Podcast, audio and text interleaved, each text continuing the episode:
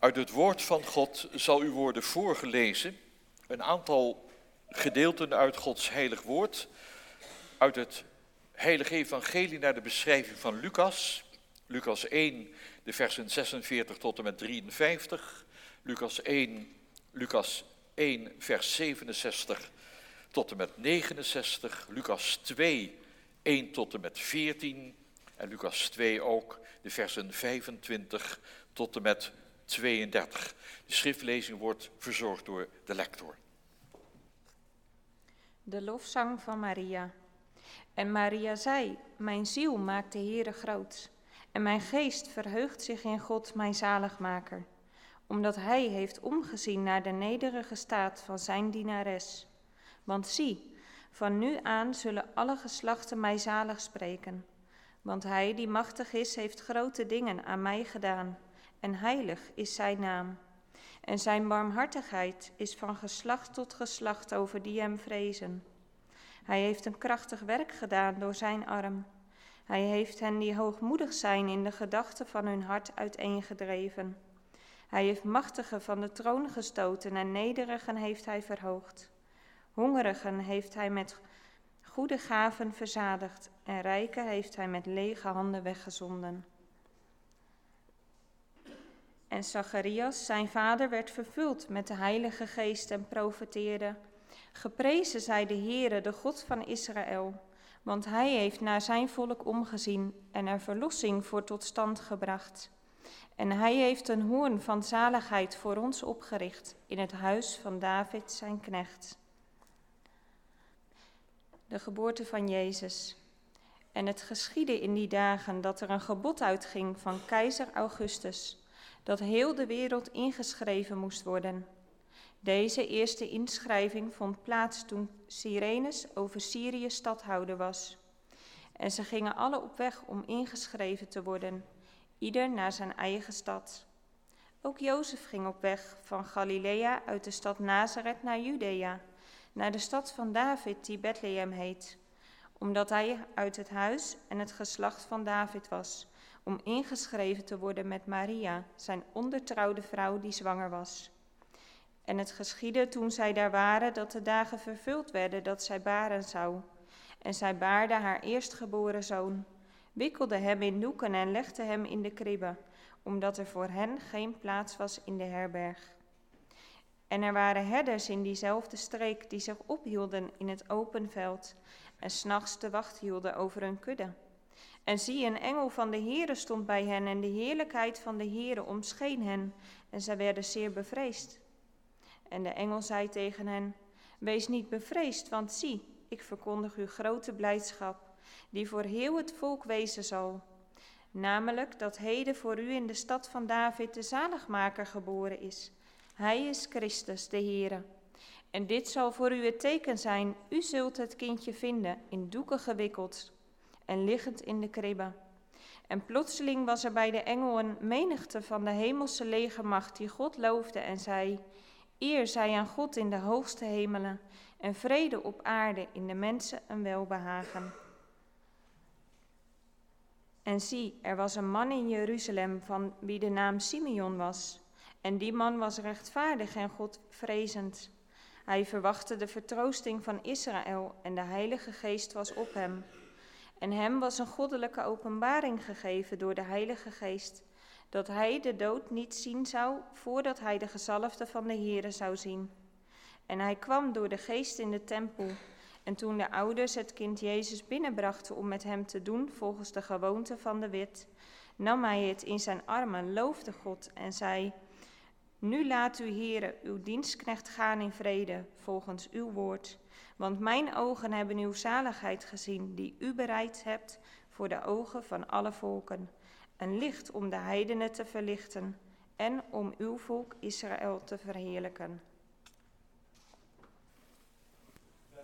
Gods hulp. Wil ik u het evangelie verkondigen naar aanleiding van wat gelezen is zo even door de lector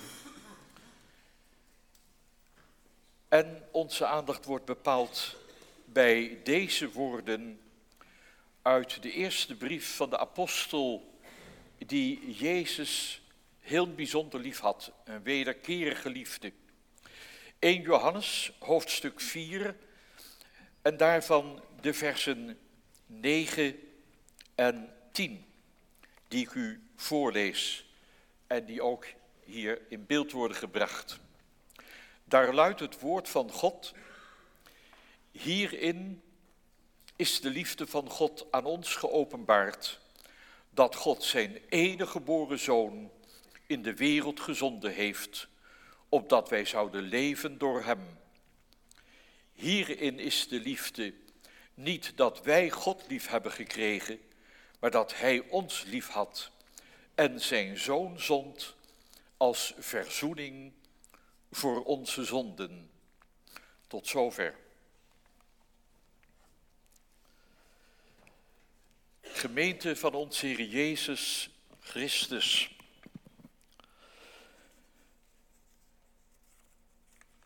Het woord van God. Het woord van God.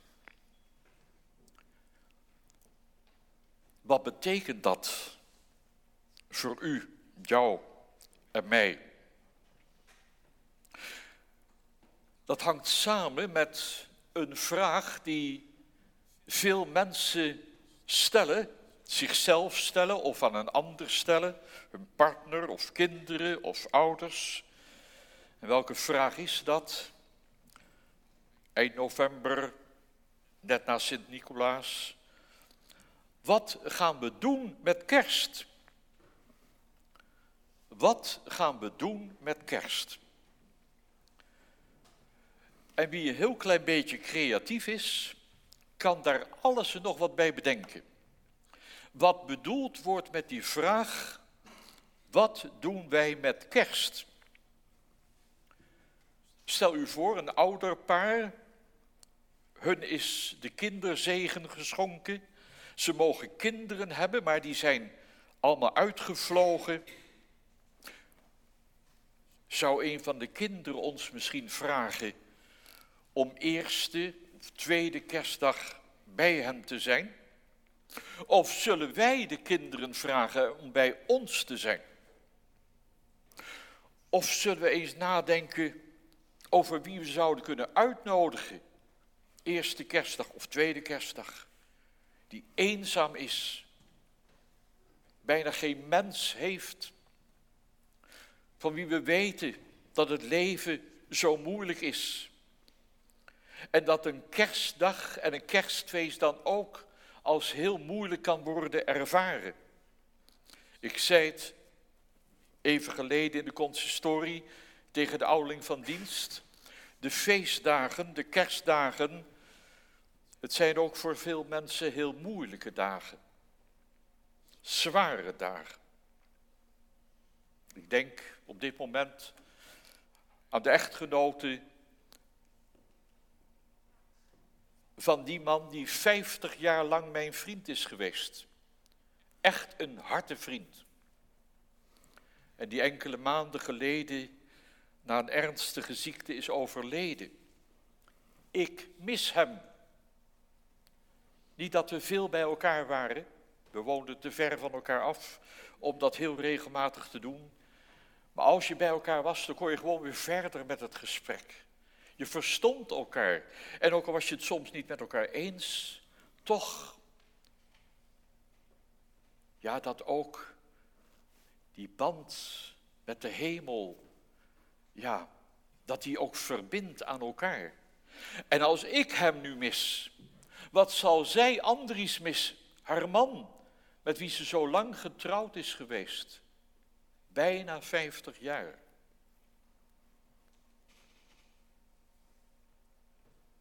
moeilijke dagen. Wat doen we met kerst? Andere variatie.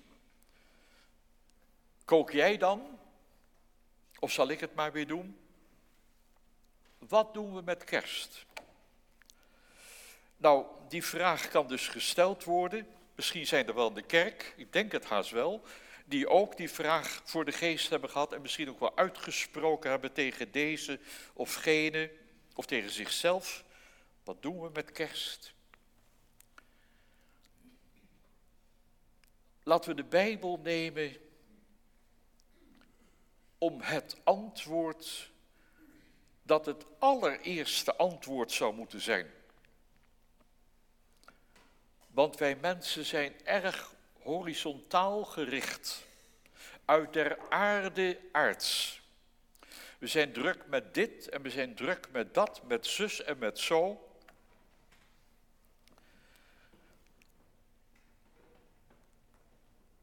Als u eerlijk bent, als u eerlijk gemaakt bent, dan mag ik toch hopen dat u weet dat het allereerste eigenlijk iets heel anders zou moeten zijn.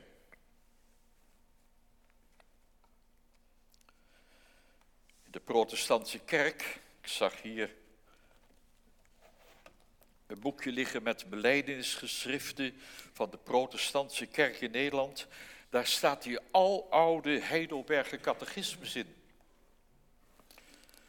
En ik mag hopen dat er mensen zijn in de kerk die weten wat de eerste vraag en het eerste antwoord is. Wat is uw enige troost, beide in leven en in sterven? Nou, kortom, dat je mag weten wat ik tegen de kinderen ook zei. En ik zeg het tegen u. Dat je mag weten, hij is de mijne en ik ben de zijne.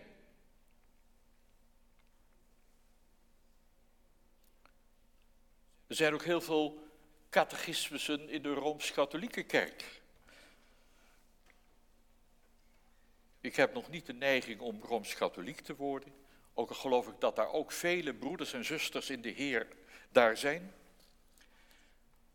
Maar ik vind het wel leerzaam dat vaak de eerste vraag van hun catechismen is: waartoe heeft God de mens geschapen? Waartoe zijn we op de wereld? Nou, dan wordt allerlei variaties het antwoord gegeven.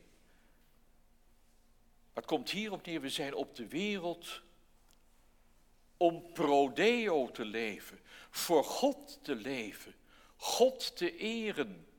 Ook in ons doen en laten gewoon iedere dag opnieuw. In de omgang met de mensen die wij kennen, in de omgang met de mensen die wij ontmoeten. Het ging daar net even in het kinderlied daar ook over. Het evangelie, dat moet handen en voeten krijgen in het dagelijks leven. Maar allereerst dus voor God leven. Kerst. Ja. We mogen denken aan de komst van Jezus Christus naar de wereld. En we mogen daarover lezen in Gods woord, in de evangelie. En als we dat lezen, en de schriftlezingen waren dan uit het heilige evangelie naar de beschrijving van Lucas, dan ziet u, dan kunt u dat zien, dan kunt u dat horen, dat die geschiedenis van de komst van Jezus, Jezus die de hemelse gewesten, kroon en troon verliet om naar deze aarde te komen, waar wij mensen er een puinhoop van hebben gemaakt. Dat is niet van 2023, dat is vanaf Genesis 3. Dat Jezus Christus naar deze aarde komt. Zijn naam is Redder, Jezus.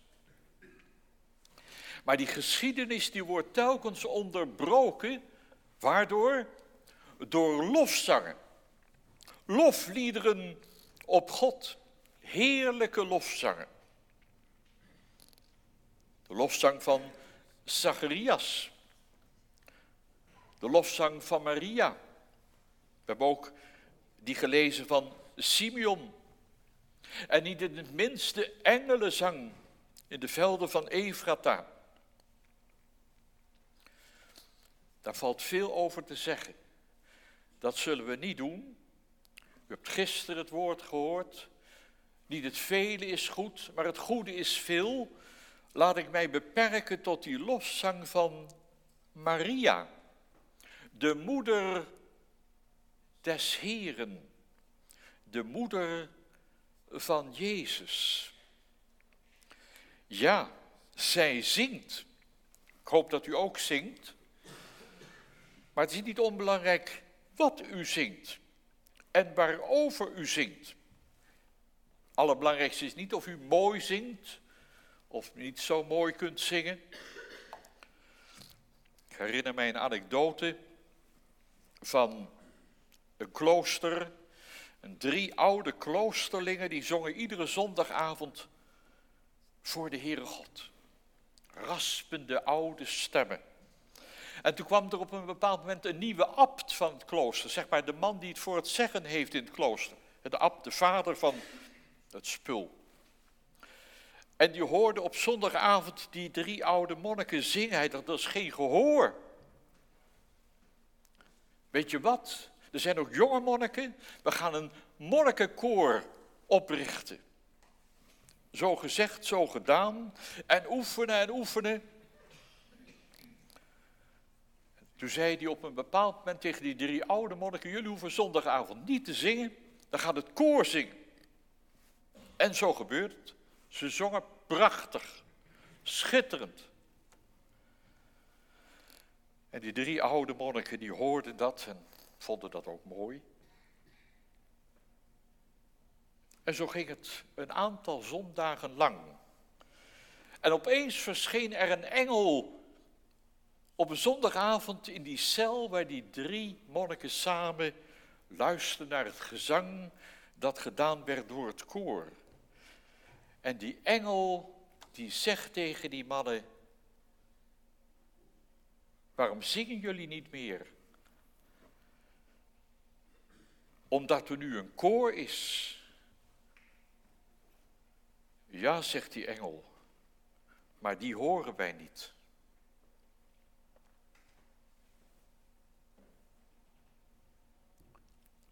Zing je voor God?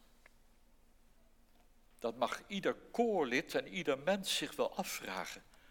Als ik zing, heb ik daarmee God en Zijn eer op het oog? Of mag ik maar wat graag horen?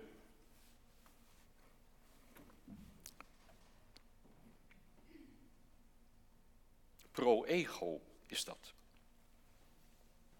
Wees dankbaar als je dat talent gekregen hebt, dat je mooi kunt zingen, mooi kunt spelen op die trompet, op het orgel maar word er niet groots mee. Maria werd niet groots, dat zij de moeder des Heren mocht zijn. Door de Heilige Geest gaat ze verstaan wat er gaat gebeuren. Mij geschieden naar uw woord. En ze zingt. Ze zingt en ze prijst en ze looft God, haar redder. Want ook Maria moest gered worden. Ook Maria was een zondares, een mens geneigd tot het verkeerde. Wij zijn veel eerder geneigd tot het verkeerde dan tot het goede. Ik weet niet of u erachter bent gekomen, maar het is een ontzaglijke werkelijkheid. als het over het zingen gaat, als aan ons ligt, dan gaan we zingen voor eigen glorie, tot eigen eer. Maar als God zijn genade schenkt, genade, het goede dat je niet verdiend hebt, zijn genade schenkt, dan word je klein. En wordt de toon en de inhoud van wat je zingt heel anders. Genade, de genade van onze Heer Jezus Christus, die maakt een mens nederig en leert een mens God groot te maken. Ja, Maria, bijzonder hè die jonge vrouw eigenlijk, naar onze begrippen nog een meisje, maar in die tijd gebeurde dat allemaal al wat eerder. Misschien zijn bij onze kinderen nog wel heel erg lang kind, tot op zekere hoogte. Hoe het ook zij, Maria, zij was degene die Jezus onder haar hart mocht dragen. En eigenlijk ook in haar hart. Ja, ze mocht Jezus, die zij onder haar hart droeg, met heel haar hart lief hebben. Deze kerk zal ongetwijfeld ook wel eens Psalm 116 gezongen worden. In de oude en de nieuwe berijming. Het begint met God heb ik lief. Ik mag toch hopen en bidden dat we dat niet als een papegaai zingen. Maar dat het waar mag zijn. En dat het ook wellicht zo bij u zit. Ik heb hem nog veel te weinig lief. Maar ik heb hem lief. Om wie hij is, om wat hij deed, om wat hij doet en nog doen zal. Om wat hij gaf, die onuitsprekelijke gave van zijn zoon. Want God is in Jezus, zijn zoon, mens geworden. Bij ons mensen. Hij heeft ons vlees en bloed aangenomen.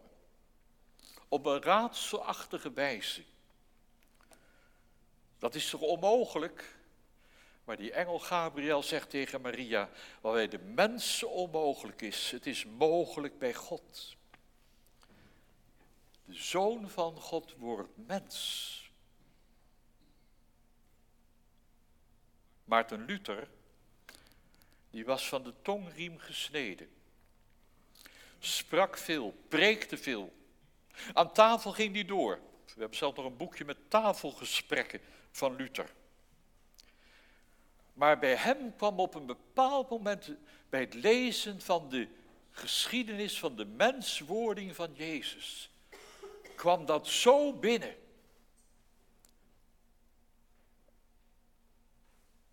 Dat hij meer dan een uur lang geen woord sprak, tot verbazing van zijn vrouw en de opstanders. Zo onder de indruk dat God, dat Gods zoon mens wilde worden, in ons vlees is gekomen. Een uur lang was hij stil. Maria zong, waar het hart vol van is, daar loopt de mond toch van over. Maria prijst de Heer, looft de Heer. Ja, ze juicht om God, om Jezus, haar redder, die mens werd. Ze zingt ook, barmhartig is Hij, van generatie op generatie, van geslacht op geslacht, barmhartig. Voor wie? Voor ons mensen. En wat kunnen wij onbarmhartig zijn? Kei en keihard. Het is een wonder dat God ons draagt en ook verdraagt. Barmhartig is Hij, zingt Maria. Barmhartig is God voor Maria, maar ook voor ontelbaar veel mensen. Het zal worden een schare die niemand tellen kan. Kerstfeest, 25 december 2023. Ik hoop, ik wens en ik bid u toe dat u net als Maarten Luther toen en Maria eerder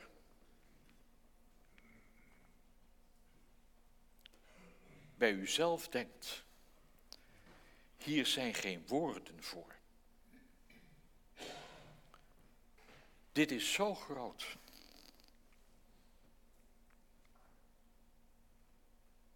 En dat u dan denkt aan die psalm 65. De lofzang is in stilte tot u.